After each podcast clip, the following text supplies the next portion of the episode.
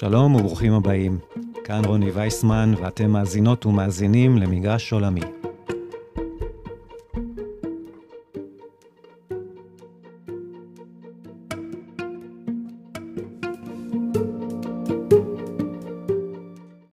מקובלת היום הדעה שהסדר העולמי הקיים, הנסמך על היותה של ארצות הברית מעצמת העל היחידה, מה שמקובל לקרוא הסדר העולמי החד-קוטבי, עומד להשתנות. יש הטוענים שעלייתה של סין לדרגה של מעצמת על בעצמה, ובמיוחד לאור העימות ההולך ומקצין בינה לבין ארצות הברית, לא משאירה מקום לספק שהסדר הזה עומד להשתנות ולהיות דו-קוטבי. כלומר, מחולק בין מדינות מוטות אמריקה למדינות מוטות סין.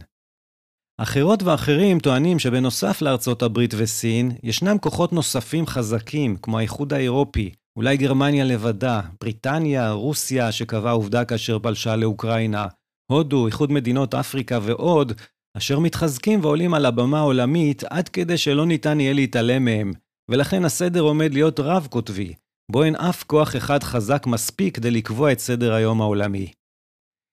אך יש גם לא מעט, אני ביניהם, הטוענים שארצות הברית אינה מתקרבת אפילו לאבד את מעמדה המיוחד בעולם, ולכן הסדר העולמי ימשיך להיות חד-קוטבי, כזה הסובב סביב ארצות הברית וכוחה עוד עשרות שנים אם לא יותר. בפרק היום אנסה לשכנע אתכם שהסדר העולמי לא הולך להשתנות כל כך מהר. אז בואו נתחיל.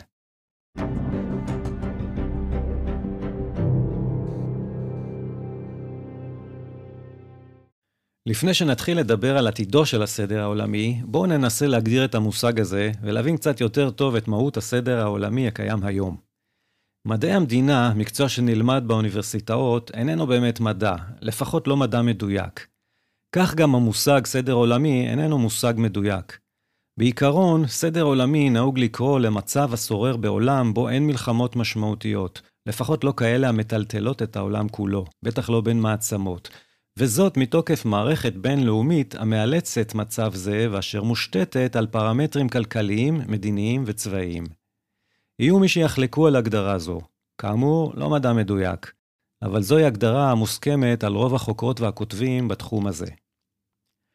מה שמקובל לקרוא לו היום סדר עולמי, הוא כלל המוסדות, החוקים והבריתות אשר כוננו בהובלת ארצות הברית עם תום מלחמת העולם השנייה, בראשן ארגון האומות המאוחדות, הכולל היום את רובן המוחלט של הישויות המדיניות על פני כדור הארץ.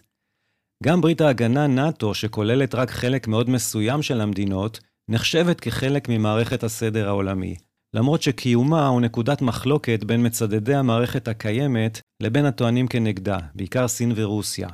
אלה טוענות שיש פה חריגה מההסכמה שכל המערכות תהיינה גלובליות בהיקפן, ולא משנה כרגע אם הטענות האלה נובעות מאידיאלים טהורים או מהחשש שהברית הצבאית הזאת תהיה מופנית כלפיהן. מעט היסטוריה קרובה.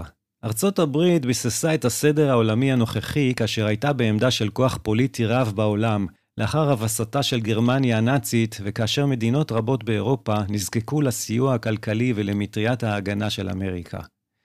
הוא בוסס על ההשקפה הנמצאת בקונצנזוס האמריקאי, אשר גורסת מצב בו מדינות משתפות פעולה ללא מריבות טריטוריאליות, מכבדות את הריבונות של מדינות אחרות, מצייתות כולן לאותה מערכת של חוקים ונורמות, Rules-Based Order, אשר מאמצות את חירות וזכויות הפרט, ואשר דוגלות בכלכלה ליברלית וסחר חופשי.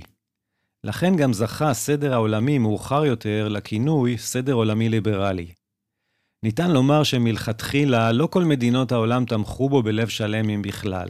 אולם בכל זאת הצטרפו לארגון האומות המאוחדות עם השנים כל המדינות שהוכרו ככאלה על ידו.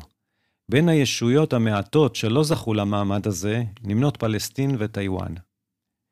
מהר מאוד עם כינונו הרשמי של הסדר העולמי לאחר מלחמת העולם השנייה, אתגרה אותו ברית המועצות למרות שלקחה חלק בהקמתו.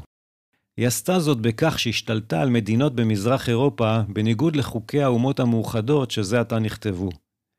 ברית המועצות שנבנתה סביב רוסיה הקומוניסטית לא דגלה כידוע בדמוקרטיה, ולא חלקה את אותו סט ערכים עם המערב. כאשר השלימה רוסיה גם את פער ההתחמשות בנשק גרעיני, היא שמה עצמה בלב קוטב מאיים של מדינות הגוש הסובייטי. כך נוצר סדר עולמי דו-קוטבי. בקוטב אחד מדינות הגוש הליברלי-דמוקרטי שתמכו בארצות הברית, והיא תמכה בהן מבחינה כלכלית וביטחונית, ובקוטב השני, בראשו רוסיה, מדינות הגוש הסובייטי בעלות המשטר הרודני-קומוניסטי, גוש שהזדהתה איתו גם סין, שעוד לא הייתה אז משמעותית כפי שהיא היום. למרות הקיטוב, הייתה ברית המועצות רשמית חלק מהסדר העולמי, מה שהתבטא בחברותה באו"ם ואפילו במושב של כבוד וזכות וטו שהיו לה במועצת הביטחון. מה שלא מנע ממנה לעשות מניפולציות על תקנות האו"ם כאשר שירתו את האינטרסים שלה. אבל האמת צריכה להיאמר שגם ארצות הברית עשתה זאת יותר מפעם אחת, תוך שהגוש הליברלי מתייחס לזה בסלחנות, אם לא לוקח בכך חלק בעצמו. בכל זאת, התקופה הזאת שבין מלחמת העולם השנייה ועד נפילתה של ברית המועצות בתחילת שנות ה-90 של המאה ה-20, אופיינה בשקט עולמי יחסי. הסכסוך הגדול ביותר הייתה המלחמה הקרה בין גוש ארצות הברית והמדינות הליברליות לבין גוש ברית המועצות. המלחמה נחשבה לקרה כיוון שהיה פה מצב של עימות שאף פעם לא הבשיל לכדי מלחמה של ממש תוך שימוש בכלי נשק. אם הודות למאזן האימה שנוצר עקב כך שלשתי המדינות הללו היה מספיק נשק גרעיני כדי להשמיד האחת את רעותה, ואם הודות לסדר העולמי שאישרה הסכמה רחבה לכך שמלחמות הפכו בלתי לגיטימיות לאחר מלחמת העולם השנייה. בתקופה זו של הסדר הדו-קוטבי, היו לא מעט מדינות שלא ראו את עצמן כחלק מאף אחד משני הכתבים שאפיינו אותו. קחו לדוגמה את הודו, או מדינות רבות באפריקה, אשר הכריזו על עצמן כבלתי מזדהות, לא עם הגוש הליברלי המערבי ולא עם הגוש הסובייטי. לכן גם כיום אין לראות בטענה שיש מדינות שמתעקשות לא להזדהות רשמית עם הגוש הליברלי, סימוכין לכך שהעולם הוא רב-קוטבי או עומד להיות כזה. דבר אחד שאין עליו עוררין, הוא שמאז מלחמת העולם השנייה, בתחילה תחת הסדר הדו-קוטבי, אחר כך ביתר שאת בתקופת הסדר החד-קוטבי, ידע העולם שגשוג ושיפור נרחב של מצב רוב אוכלוסייתו. הדמוקרטיה התפשטה ואיתה שיפור במצב חירויות הפרט, והצמיחה הכלכלית הוציאה מאות מיליוני אנשים ממצב של עוני. עשרות מדינות הצטרפו לבריתות ומוסדות תוך תמיכה בזכויות אדם וכלכלות שוק. חלקה של ארצות הברית בקידום הסדר העולמי היה ונשאר משמעותי ביותר, כפי שבא לידי ביטוי באופנים הבאים. אחת, היכולת של ארצות הברית לגייס קואליציות של מדינות כדי לעצב ולבסס כללים ומוסדות גלובליים, החל מהאו"ם, נאט"ו, ארגון הסחר העולמי ועד הסכם האקלים של פריז. שתיים, היכולת של ארצות הברית לייצר משיכה לרעיונות, לערכים ולמוסדות שלה, השזורים במרקם של העולם המודרני, כגון דמוקרטיה, זכויות אדם וסחר חופשי. שלוש, הגיאוגרפיה, העוצמה הצבאית וההתפתחות הפוליטית של ארצות הברית, המאפשרים לה למלא תפקיד ייחודי כמאזן כוחות עולמי וציר המחבר בין אסיה לאירופה. 4. החברה האזרחית של ארצות הברית, שמחברת את המדינה לעולם ברשתות של השפעה כלכלית, טכנולוגית ותרבותית. ו-5. היכולת הייחודית של ארצות הברית להשתפר כל הזמן, גם לאחר כשלים כאלה ואחרים, הודות להיותה חברה ליברלית שיכולה להכיר בפגיעויות ובטעויות שלה ולאמץ תיקונים ושינויים. זאת בניגוד ליריבותיה הלא ליברליות שמכחישות או מדכאות את הבעיות שלהן. אולם יש המציפים אתגרים שאינם קשורים ישירות לארצות הברית, המאיימים לערער את הסדר העולמי הקיים. אחד, מדינות רבות, ביניהן מעצמות אזוריות כמו סין ורוסיה, קוראות עליו תיגר. שניים, האינטרנט והרשתות החברתיות אשר הנגישו את האירועים המתרחשים בעולם בזמן אמת לכל חלקיו, מבלי לאפשר לאף אחד עצירה לרגע כדי להקל ולחשוב על משמעותם, יוצרות לחץ על מנהיגים להגיב מהר, לפעמים ללא שיקול דעת, כדי לרצות את ההמונים. האתגר השלישי הוא התערערות הדמוקרטיה במספר הולך וגדל של מדינות שעלה לראשן מנהיג פופוליסט, ביניהן רוסיה, טורקיה, הונגריה, פולין וישראל. אתגר נוסף הוא מכיוון מדינות העולם השלישי, שהיו פעם מדינות קטנות וחלשות מכדי שיקחו אותן ברצינות בסדר העולמי, וכעת הן מתבגרות מדינית ומתקדמות כלכלית ונדרשות לבחור באיזה סדר הן רוצות להיכלל. אתגר חמישי הוא המשך הפצתו של נשק גרעיני להשמדה המונית שהתרחש במשך השנים, לישראל, הודו, פקיסטן, צפון קוריאה ובקרוב אולי לאיראן.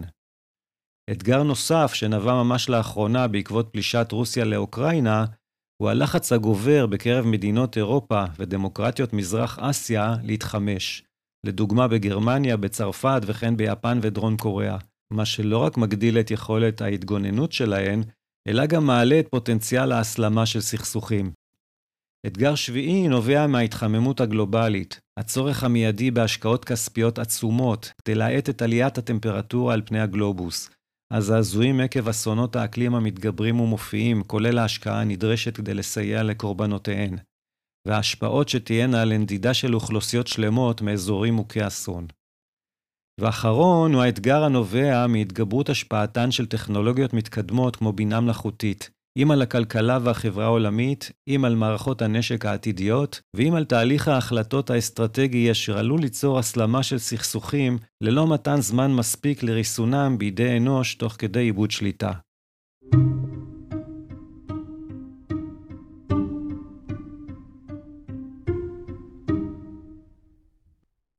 בעולם האקדמי מקובלות היום שתי תיאוריות השולטות בדיונים בשאלה מדוע מעצמות גדולות קמות ונופלות. תיאוריית מאזן הכוחות ותיאוריית ההתכנסות, Convergence. שתי התיאוריות הללו טוענות שסדר עולמי חד-קוטבי הוא קצר מועד. תיאוריית מאזן הכוחות גורסת שמדינות חלשות בדרך כלל מתאגדות עם מדינות חזקות, וכך כופות חלוקה מחדש של הכוח הבינלאומי. תיאוריית ההתכנסות גורסת שמדינות עניות צומחות מהר יותר ממדינות עשירות, ולכן גזירת שמיים היא שהן תעקופנה בהכרח את ההגמוניות ששולטות באותו זמן. אולם אלו תיאוריות שאינן חייבות להתממש. ההיסטוריה אינה בהכרח חוזרת, גם אם אירועים רבים מזכירים אירועים מן העבר, וישנם תהליכים שניתן לזהותם כמחזוריים.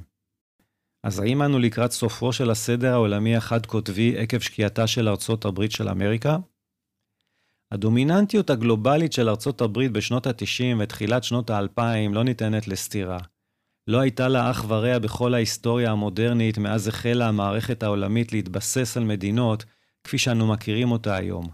ארצות הברית הקדימה את כל המדינות האחרות בתחומים צבאיים, כלכליים וטכנולוגיים, והייתה בעלת ברית של רוב המדינות העשירות בעולם. זה אפשר לה לנהל את מדיניות החוץ שלה עם פחות אילוצים חיצוניים מאשר כל מדינה מובילה אחרת בהיסטוריה המודרנית. בעידן הנוכחי נוצר הרושם שהכוח האמריקאי נחלש. ב-20 השנים האחרונות סבלה ארצות הברית ממלחמות יקרות וכושלות בעיראק ובאפגניסטן, ממשבר פיננסי הרסני, מהעמקת הקיטוב הפוליטי ומהופעתו של דונלד טראמפ, ארבע שנים של נשיא לא נבון בלשון המעטה, השואף לבדלנות וביטול הסכמים בינלאומיים. כל אותו זמן המשיכה סין בעלייה הכלכלית המדהימה שלה, ונעשתה אסרטיבית במדיניות הבינלאומית שלה. בעיני רבים נשמעה הפלישה של רוסיה לאוקראינה בפברואר 2022 כמו מרש אבל להגמוניה האמריקאית, שאינה יכולה עוד לאכוף את הסדר הבינלאומי שבנתה. לפי רוב המשקיפים, חוקרים ועיתונאים, הרגע החד-קוטבי הגיע לסופו. כשהם מצביעים על גודל הכלכלה של סין, המשתווה בתמ"ג הכולל שלה לזה של ארצות הברית, או מתקרב לכך, ואפילו עובר אותו במונחים של כוח קנייה, הכריזו אנליסטים רבים שהעולם הפך דו-קוטבי.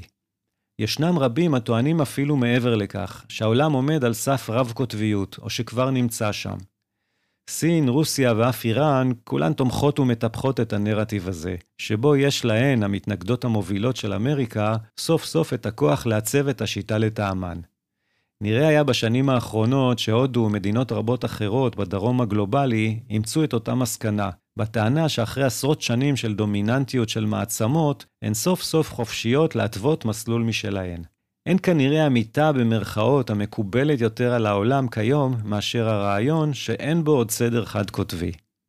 אבל השקפה זו מוטעית. העולם איננו דו-קוטבי ואיננו רב-קוטבי והוא לא עומד להיות כזה או כזה.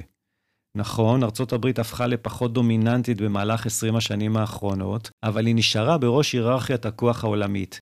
יושבת בבטחה גבוה מעל סין והרבה מעל כל מדינה אחרת.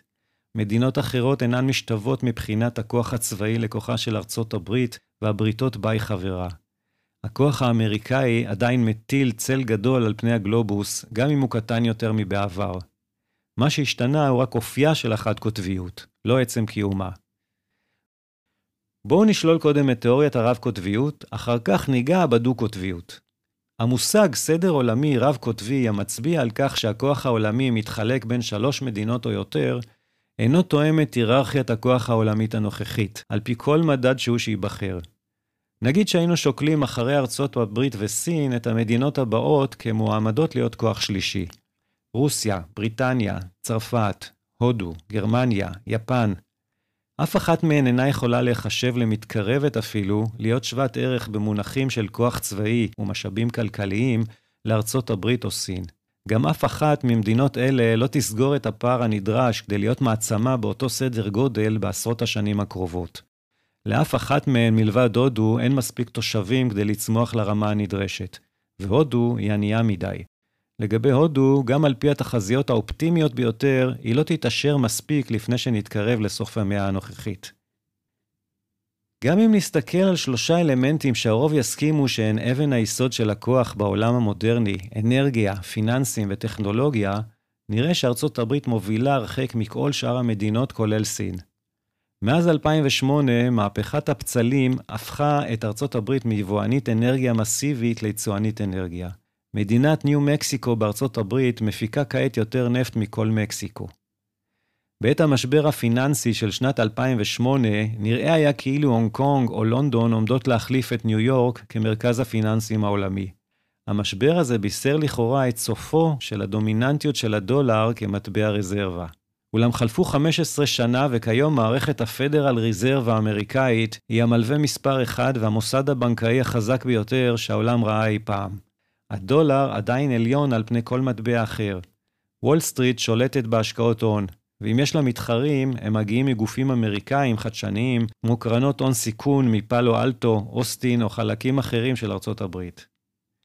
בנושא הטכנולוגי, השוואה פשוטה של שווי השוק העולמי בשנת 2008 לעומת היום, מגלה שארבע מתוך חמש החברות בעלות השווי הגבוה ביותר בעולם הן חברות טכנולוגיה אמריקאיות, פלטפורמות השולטות באינטרנט.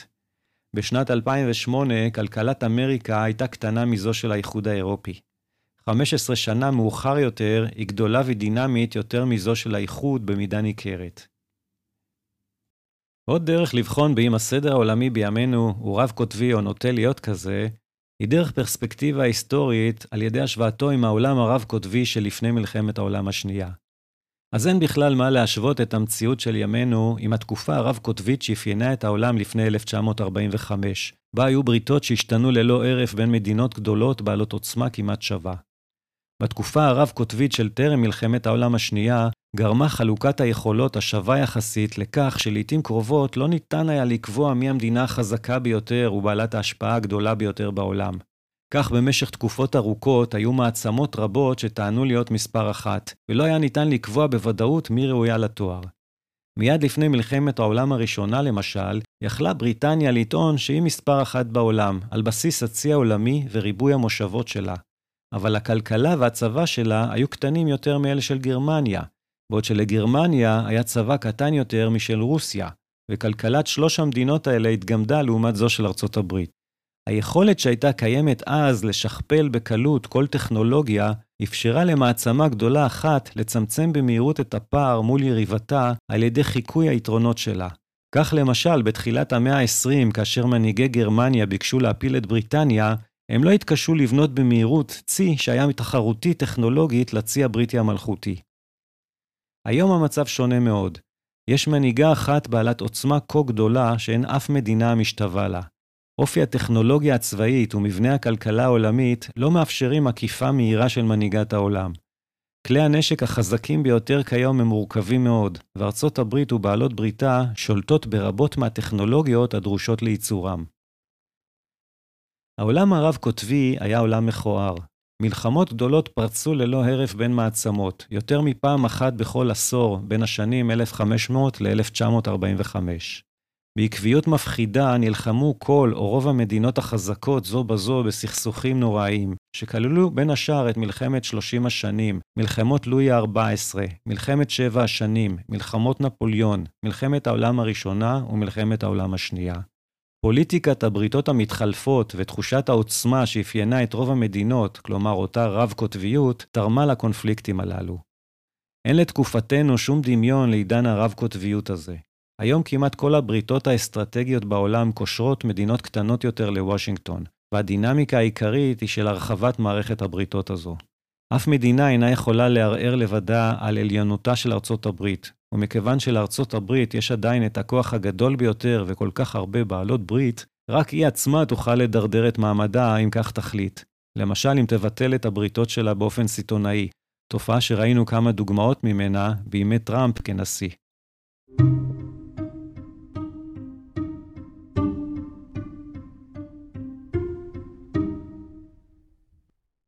אז אם העולם היום איננו רב-קוטבי וגם לא הולך להיות כזה, האם הסדר העולמי שואף להיות דו-קוטבי כאשר סין מתרוממת כקוטב שני?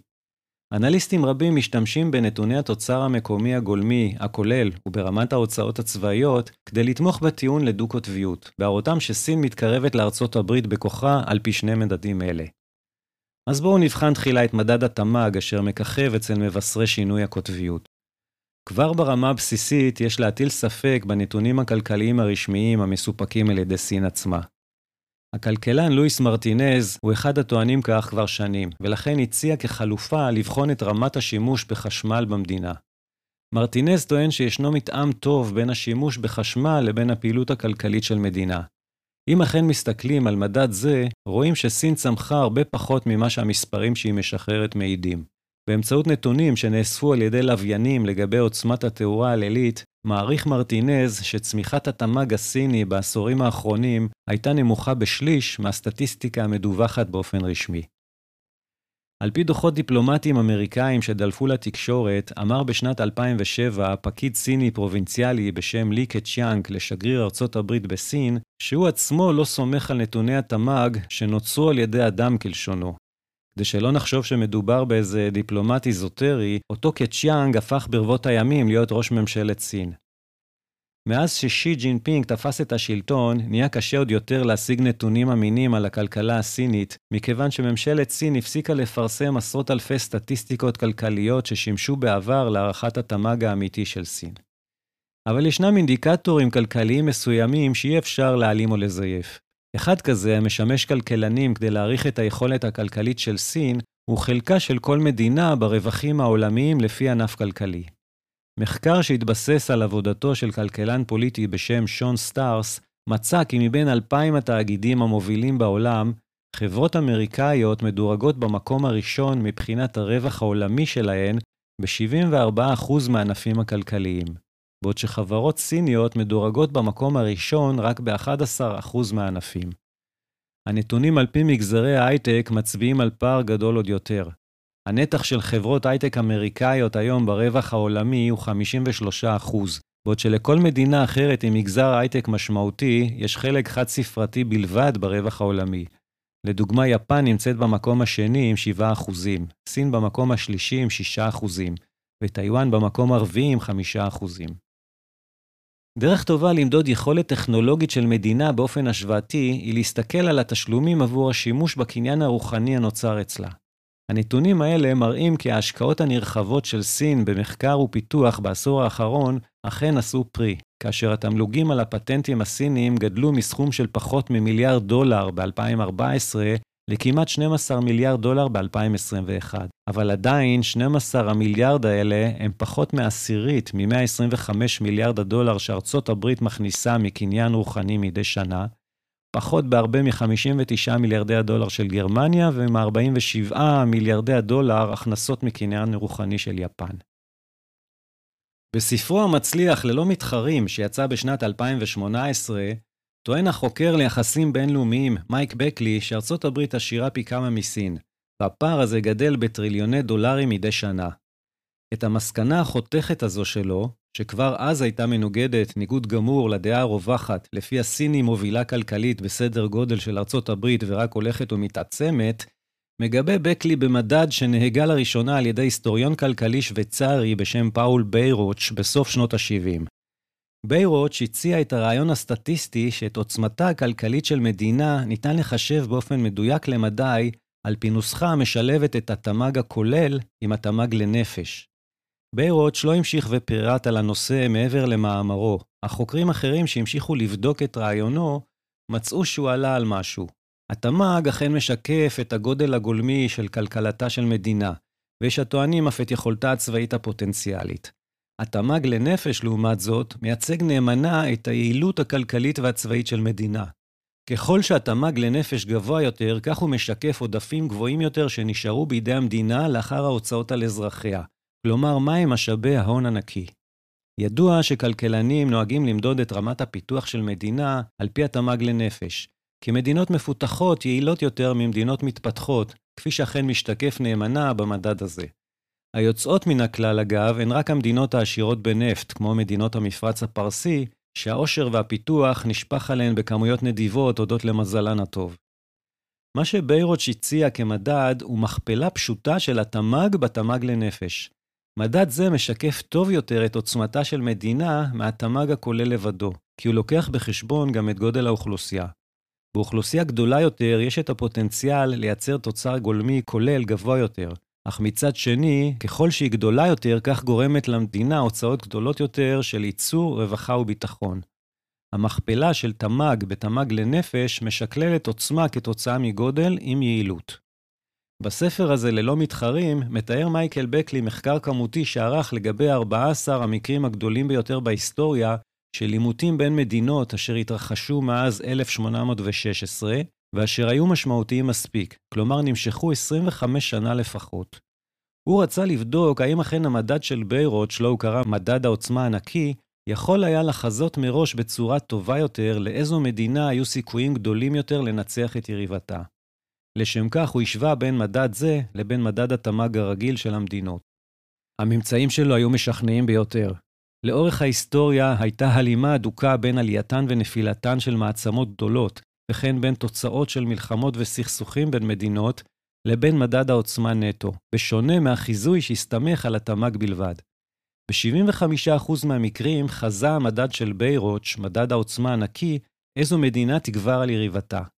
אם היה צריך לשפוט על פי התמ"ג בלבד, הסיכויים לניבוי מוצלח היו רק במעט יותר גבוהים מהטלת מטבע. הנה מספר דוגמאות קונקרטיות מהמחקר הזה של בקלי. הראשונה היא של סין ורוסיה, שניהלו מלחמות עם מדינות שונות במהלך רוב המאה ה-19 ותחילת המאה ה-20. לשתי המדינות הללו היו אז את התמ"ג והתקציבים הצבאיים הגדולים ביותר בעולם, אך שתיהן סבלו מעלויות ייצור, רווחה וביטחון גבוהות מאוד, כפי שבאו לידי ביטוי בתמ"ג לנפש הנמוך שלהם, ולכן גם במדד העוצמה הנקי, מה שאכן בפועל דן אותן לתבוסה על ידי מדינות קטנות יותר, אך יעילות יותר. עוד דוגמה בולטת היא תבוסתה המוחלטת של סין לבריטניה בשתי מלחמות האופיום בתחילת ואמצע המאה ה-19, למרות שהתמ"ג הכולל והוצאות הביטחון של סין היו גדולות ביותר מאשר כפליים לעומת אלה של בריטניה. אם במקום התמ"ג וההוצאות הצבאיות משווים את מדד העוצמה הנקי אצל שתיהן, מוצאים שבריטניה הייתה חזקה מסין פי שלוש. זה מסביר טוב יותר את מאזן הכוחות האמיתי שהיה בין שתי מדינות אלה. עכשיו יהיה מעניין לבדוק מה מראה מדד העוצמה הנקי לגבי ארצות הברית וסין ולהשוותו למדדים הגולמיים המקובלים של תמ"ג והוצאות על ביטחון. על פי התמ"ג, כפי שכבר הזכרתי, סין לכאורה סגרה את הפער בינה לבין ארצות הברית. אם לעומת זאת משווים את מדד העוצמה הנקי, מגלים שהנתון של ארצות הברית גדול פי שבע מזה של סין, ולא רק זה, אלא שהמגמה לאורך זמן היא של גדילתו של הפער במדד הזה בין שתי המדינות בטריליוני דולרים מדי שנה. כלומר, על פי מדד זה, סין לא מתקרבת להיות בעלת עוצמה כלכלית המשתווה לזו של ארצות הברית, והיא אף מתרחקת עוד ועוד מלסגור את הפער. אם מוכנים להתנתק מההתבוננות הפשטנית על נתוני תוצר וצמיחה גולמיים, הדבר אינו מפתיע. כלכלת סין גדולה אך לא יעילה. היא מייצרת תפוקה גבוהה, אך בעלויות גבוהות. עסקים סיניים סובלים מעלויות ייצור גבוהות באופן כרוני, ו-1.4 מיליארד בני אדם בסין, משמעותם עומס כלכלי עצום לצורך רווחה וביטחון, גם אם האוכלוסייה צפויה להתחיל להתכווץ. ארצות הברית, לעומת זאת, גדולה ויעילה, מייצרת תפוקה גבוהה בעלויות נמוכות יחסית. עובדים ועסקים אמריקאים הם פי שבעה יותר פרודקטיביים מאשר מקביליהם בסין. עם פי ארבעה פחות אנשים מאשר לסין, לארצות הברית יש הוצאות נמוכות בהרבה מסין על רווחה וביטחון. הייתי סקרן לגבי מה מראה מדד העוצמה נטו עבור מדינות נוספות, ולכן חישבתי אותו על בסיס נתוני שנת 2021, שהם היחידים הזמינים כרגע באופן מדויק. מדד העוצמה הנקי של רוסיה הוא פי 10 קטן יותר משל סין, ופי 75 קטן יותר משל ארצות הברית, ותזכרו שזה עוד לפני הסנקציות שהוטלו על רוסיה בעקבות הפלישה לאוקראינה. הנתון של הודו קטן פי 30 משל סין, סימן קריאה, ופי 225 קטן יותר משל ארצות הברית, שני סימני קריאה. עוצמתה של גרמניה על פי מדד זה די דומה לזו של סין, אבל יש לזכור שגרמניה משיגה עוצמה זו עם הרבה פחות תושבים. דומה לשתיהן עוצמתה של יפן, 90% מזו של סין. אם מנתחים את הנתונים האלה של המדינות העשירות בעולם, נראה שיפן, צרפת, בריטניה וגרמניה יעילות כמעט באותה מידה כמו ארצות הברית, כפי שמשתקף בתמ"ג לנפש שלהם. אבל אין להם את גודל האוכלוסייה הדרוש כדי להתמודד על מעמד של מעצמת על בסדר גודל של ארצות הברית, כפי שמעיד מדד העוצמה נטו. לגבי סין, חוסר היעילות שלה כה נמוך, עד שגודל האוכלוסייה הענק שלה לא מספיק כדי לאזנו ולהפוך אותה למעצמת על. בהודו, שזכתה לאחרונה בכתר של המדינה בעלת האוכלוסייה הגדולה ביותר בעולם כשעקפה את סין, המצב עוד יותר גרוע. הודו היא כל כך בלתי מפותחת ויעילה, כפי שמתבטא בתנמ"ג לנפש הנמוך שלה, שהיא רחוקה מאוד מאוד מלהתחרות בסין מבחינת משאבים כלכליים נטו, בטח שלא עם ארצות הברית. לרוסיה אין לא את הגודל ולא את היעילות הדרושים כדי להתמודד על מעמד של מעצמה. הדבר היחיד שגיבה את התעוזה שלה כאשר הפרה את הסדר העולמי ופלשה לאוקראינה, הוא כמות הנשק הגרעיני הגדולה שלה. אבל זה לבדו איננו הופך מדינה למעצמה, מקסימום לבריון שאין להתעלם ממנו.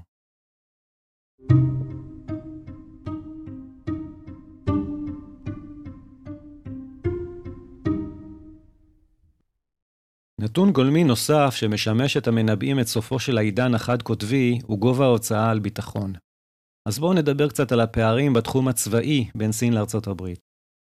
למרות המודרניזציה המהירה של הכוחות הסינים, רוב האנליסטים טוענים שסין רחוקה מלהיות מתחרה של ארצות הברית מבחינה צבאית. השליטה של ארצות הברית ביבשה, באוויר, בים הפתוח ובחלל, מה שמכונה בעגה המקצועית Command of the Commons, היא זו שהופכת אותה למעצמה צבאית עולמית אמיתית. בשמונה מתוך סך 13 הקטגוריות של מערכות חימוש, נמצאת הרמה של סין מתחת ל-20% ביחס לזו של ארצות הברית, כשגם בשאר הקטגוריות נמצא צבא סין הרחק מאחור יחסית ליכולת של ארצות הברית. המשאבים האדירים של ארצות הברית, שהוקדשו לפיתוח מערכות אלו במשך עשורים רבים, יצרו יתרון משמעותי ומתמשך שייקח עשרות שנים של מאמץ לסגור, אם בכלל. מבחינת האיזון הצבאי בין ארצות הברית לסין, הן הכוללת והן בתוך מזרח אסיה, התוצאות הן חד משמעיות. לארצות הברית יש פי חמישה עד עשרה מהיכולות הצבאיות של סין, בהתאם לסוג הכוחות הצבאיים המדוברים, והיא משמרת יכולת בלימה אדירה נגד ההתפשטות הסינית במזרח אסיה. במלחמה, סין עלולה לשלול את השליטה הימית והאווירית של צבא ארצות הברית בטווח של כמה מאות קילומטרים משטחה של סין, אך סין אינה יכולה לקיים פעולות לחימה גדולות מעבר לאזור זה, בעוד שלארצות הברית יש אמצעים בעלות נמוכה יחסית, המאפשרים לה למנוע את השליטה של סין בים ובאוויר, את השליטה בכל הים המזרחי והדרומי של סין, וכן יכולה ארצות הברית למנוע מסין מלהגשים יעדים ספציפיים יותר, כמו כיבוש טיוואן. התפיסה הרווחת כאילו סין עומדת להשתלט על מזרח אסיה ולסגור את הפער הצבאי מול ארצות הברית, נובעת מאי לקיחה בחשבון של עלויות הייצור, הרווחה והביטחון העצומות שלה. למערכות הנשק הסיניות יש יכולות פחותות פי שניים מאלה של ארצות הברית. החיילים, הטייסים והמלאכים הסיניים מקבלים פחות ממחצית ההכשרה של עמיתיהם האמריקאים, ובעלי ניסיון מבצעי מוגבל וללא ניסיון קרבי בכלל. עלויות כוח האדם של סין גבוהות לפחות ב-25% משל ארצות הברית, ובהיותה דיקטטורה או מדינה לא יעילה, פעולות ביטחון הפנים שלה צורכות לפחות 35% מהתקציב הצבאי שלה.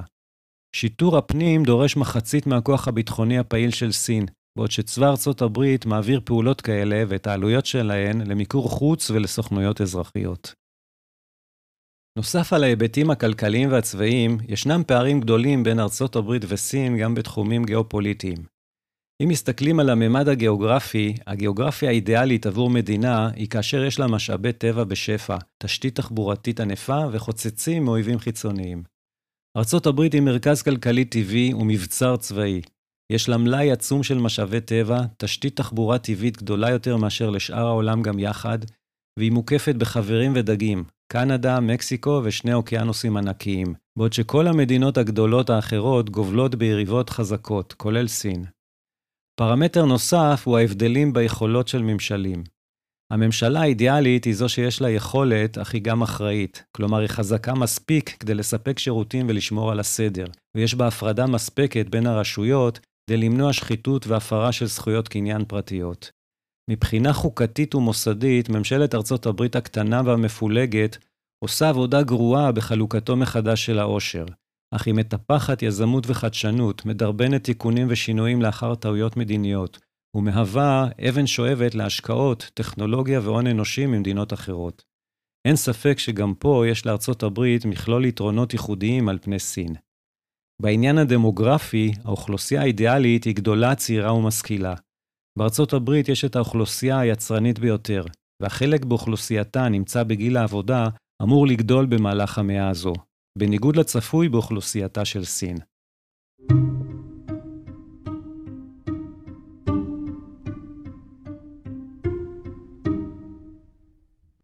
הטענה שהמערכת העולמית של ימינו אינה רב-קוטבית או דו-קוטבית, אין בה כדי להכחיש שיחסי הכוחות השתנו במידה מסוימת. ארצות הברית נותרה הכוח הדומיננטי למרות עלייתה של סין, אך סין מהווה בר תחרות כלכלית, ולאחרונה מנסה גם להגדיל השפעתה הדיפלומטית בעולם. גם בייג'ין וגם מוסקבה מגלות מוכנות גדולה יותר להפגין את חוסר שביעות הרצון שלהן מהסדר העולמי הקיים, תוך שהן לוקחות סיכון מחושב שזה יעלה להן במחיר של איבה מצד ארצות הברית. הפלישה של רוסיה לאוקראינה היא מקרה בוחן טוב. בפלישה הזו הפגין פוטין רצון לבחון את פוטנציאל המרד בסדר העולמי. אבל גם אם רוסיה הייתה כובשת במהירות את קייב ומכוננת בה ממשלה פרו-רוסית כפי שרצה פוטין, הייתה לכך השפעה מועטה על חלוקת הכוח העולמית. אי אפשר להכחיש שתוצאות המלחמה באוקראינה חשובות מאוד לעתיד הריבונות שלה עצמה, ולחוזקה של הנורמה העולמית נגד השתלטות בכוח על שטחי קרקע. אבל בחישוב הצר והריאל פוליטי, הכלכלה הקטנה יחסית של אוקראינה, משמעותה שבסופו של דבר אין זה משנה אם אוקראינה מתיישרת עם נאט"ו, רוסיה או אף אחד מהצדדים. יתרה מכך, אוקראינה אינה למעשה בעלת ברית של ארצות הברית. מאוד לא סביר להניח שרוסיה תעז לתקוף אחת מאלה שהן כן בנות בריתה של אמריקה. בהתחשב במה שאנו יודעים היום על הדרך בה ארצות הברית הגיבה כאשר רוסיה תקפה מדינה שאינה בעלת ברית שלה, העברת נשק, סיוע ומודיעין לאוקראינים והטלת סנקציות נוקשות על רוסיה, הקרמלין בוודאי יודע שהאמריקאים יעשו הרבה יותר כדי להגן על בת ברית בפועל. מבחינת האתגור של סין את ארצות הברית כהגמון של הסדר העולמי, זה מגובה ביכולת כוללת הרבה יותר גדולה משל רוסיה. אבל כמו ברוסיה, גם הצלחותיה של סין צנועות להדים בהסתכלות היסטורית רחבה. עד כה סין שינתה את הסטטוס קוו הטריטוריאלי רק בים סין הדרומי, שם בנתה כמה איים מלאכותיים. אבל הקטעים היבשתיים הקטנים והחשופים הללו עשויים להפוך בקלות לבלתי משמעותיים אם תפרוץ מלחמה עם צבא ארצות הברית.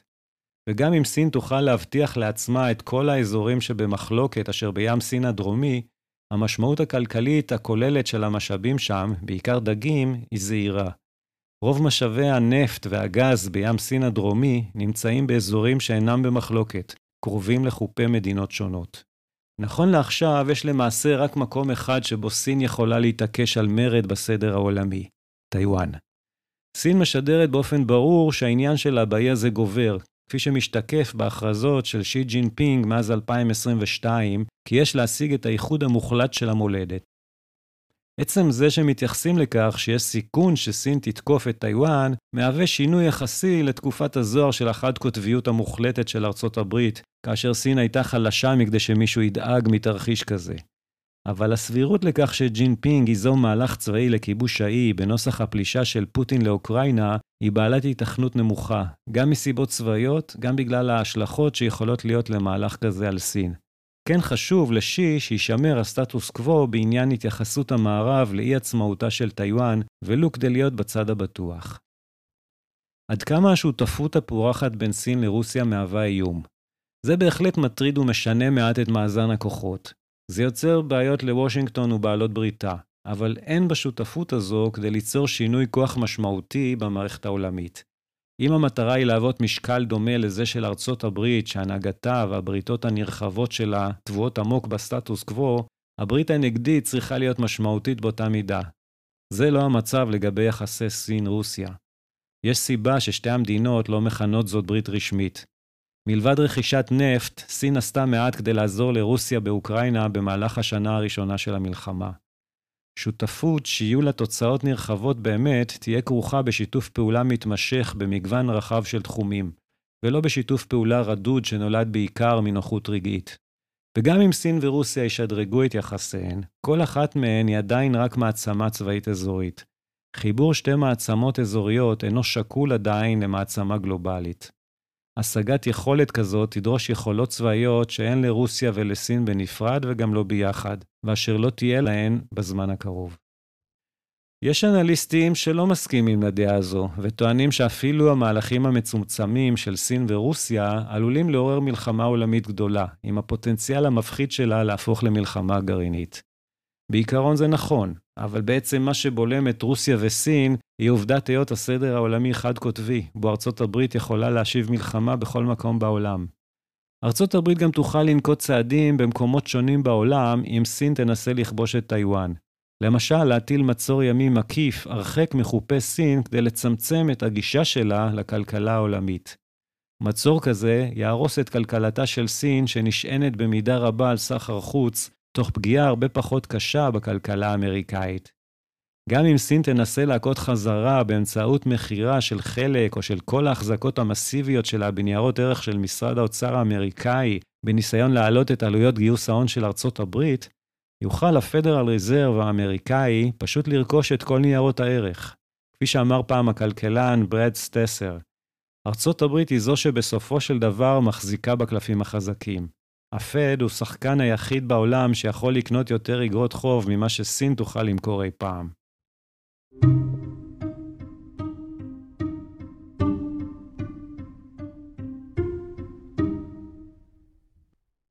בואו נדבר מעט על נקודת המבט של סין. האם היא בכלל מעוניינת להוביל סדר עולמי חדש משלה?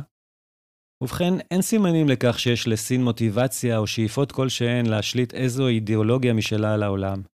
סין יותר עוסקת בניסיונות לקדם את מעמדה בסדר העולמי הקיים ולערער על מה שהיא קוראת המעמד ההגמוני של ארצות הברית בסדר זה.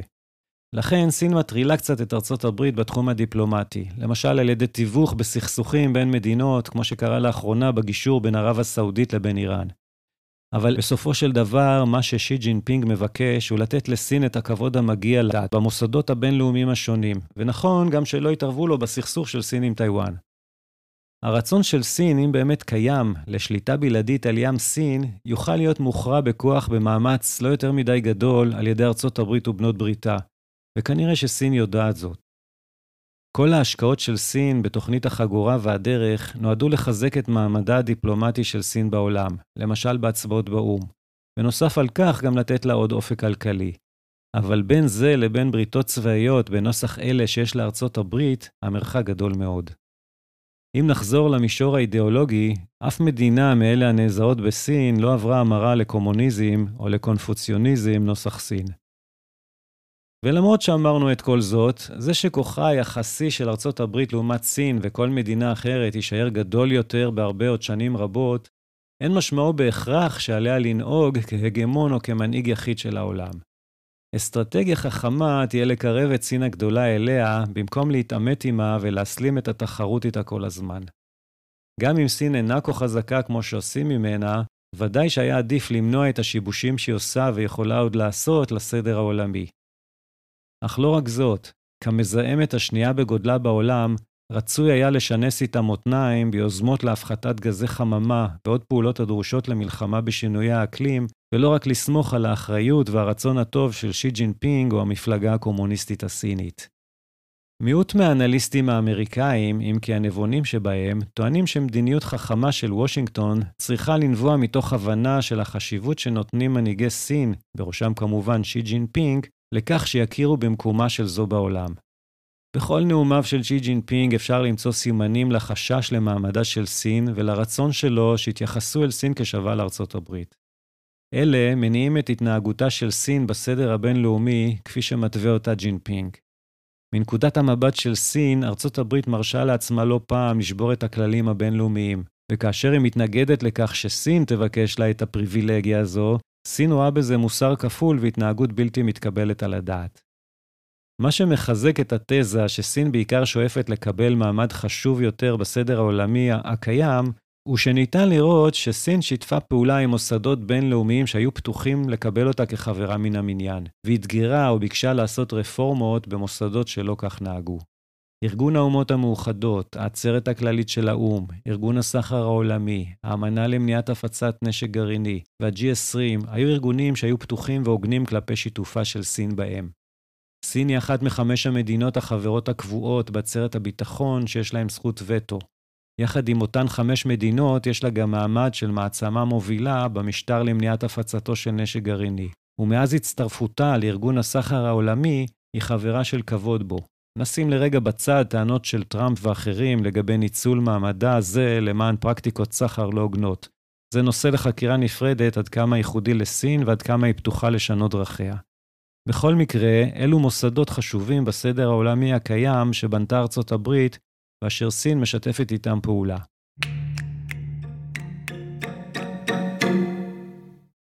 לפני סיום, אני רוצה להביא עוד לקח אחד מההיסטוריה. המקרה המצוטט ביותר הקשור למאבק בין מעצמות הוא העימות בין ספרטה המבוססת לבין אתונה המעצמה העולה, אשר תואר על ידי ההיסטוריון היווני טוקידידס. טוקידידס תיאר את הגורמים העמוקים שהובילו למלחמה הארוכה בין שתי ערי המדינה האלה, המלחמה הפלופונזית במאה החמישית לפני הספירה. הוא טען שמה שהביא לעימות הקשה בין שתי מעצמות אלה היה מצד אחד הרצון של אתונה המתחזקת לקבל מעמד של מעצמה בסדר הגודל של ספרטה, וטענותיה לגבי התנהלות בלתי הוגנת של ספרטה. ומצד שני, העצבנות והחרדה בספרטה מפני הצמיחה וההתחזקות הצבאית של אתונה, בעיקר בים. הקונפליקט הזה מוכר כמלכודת טוקידידס, מושג אותו טבע פרופסור למדעי המדינה בשם גרהם אליסון, אשר טען שהמצב הזה יתרחש שוב ושוב בכל פעם בה מעצמה עולה קראה תיגר על מעצמה קיימת. הנקודה שלא כדאי להתעלם ממנה כלקח ממלכודות טוקידידס בעבר, היא שלסכנת מלחמה בין מעצמות במצב הזה, יש מאפיינים מקדימים שניתן לזהותם, כמו אותה השקפה של המעצמה העולה שהיא לא מקבלת מעמד המגיע לה בדומה לטענותיה של סין בזמננו, והחרדה של המעצמה הקיימת מפני המעצמה העולה, גם אם לא מוצדקת, כמו במקרה של ארצות הברית היום. כך ניתן לנסות ולהקטין את הסבירות שהעימות ביניהן יביא בסופו של דבר להתנגשות אלימה.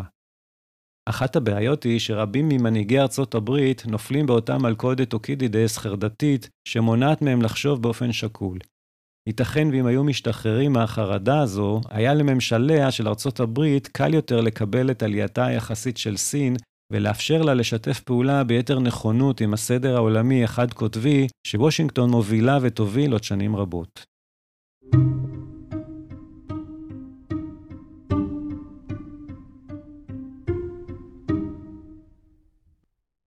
סיכום קצר קשה להגדיר ולמדוד כוח של מדינה.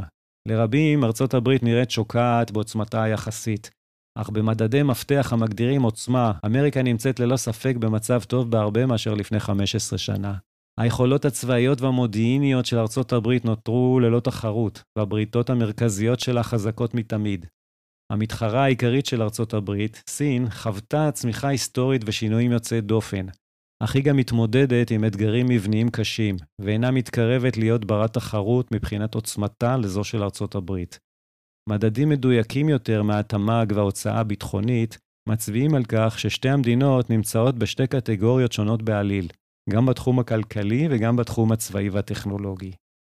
הדומיננטיות הצבאית של ארצות הברית, כפי שהיא משתקפת בפיזור הנוכחות הצבאית שלה בעולם והטכנולוגיה הצבאית שפותחה במשך עשורים רבים, הופכת אותה למעצמה צבאית עולמית אמיתית, בעוד שסין נותרה מעצמה צבאית אזורית.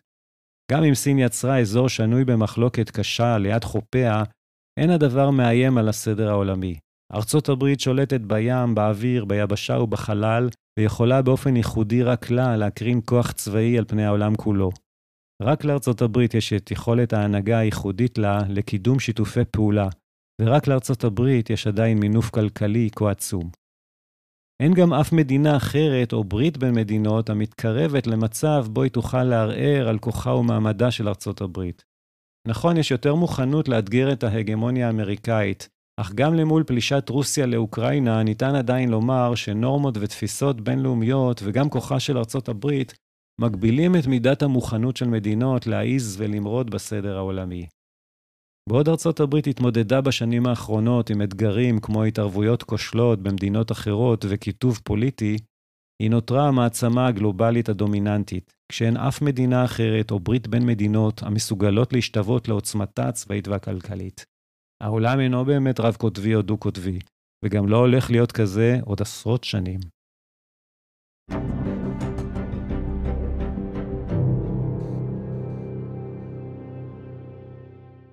הגענו לסופו של הפרק הזה.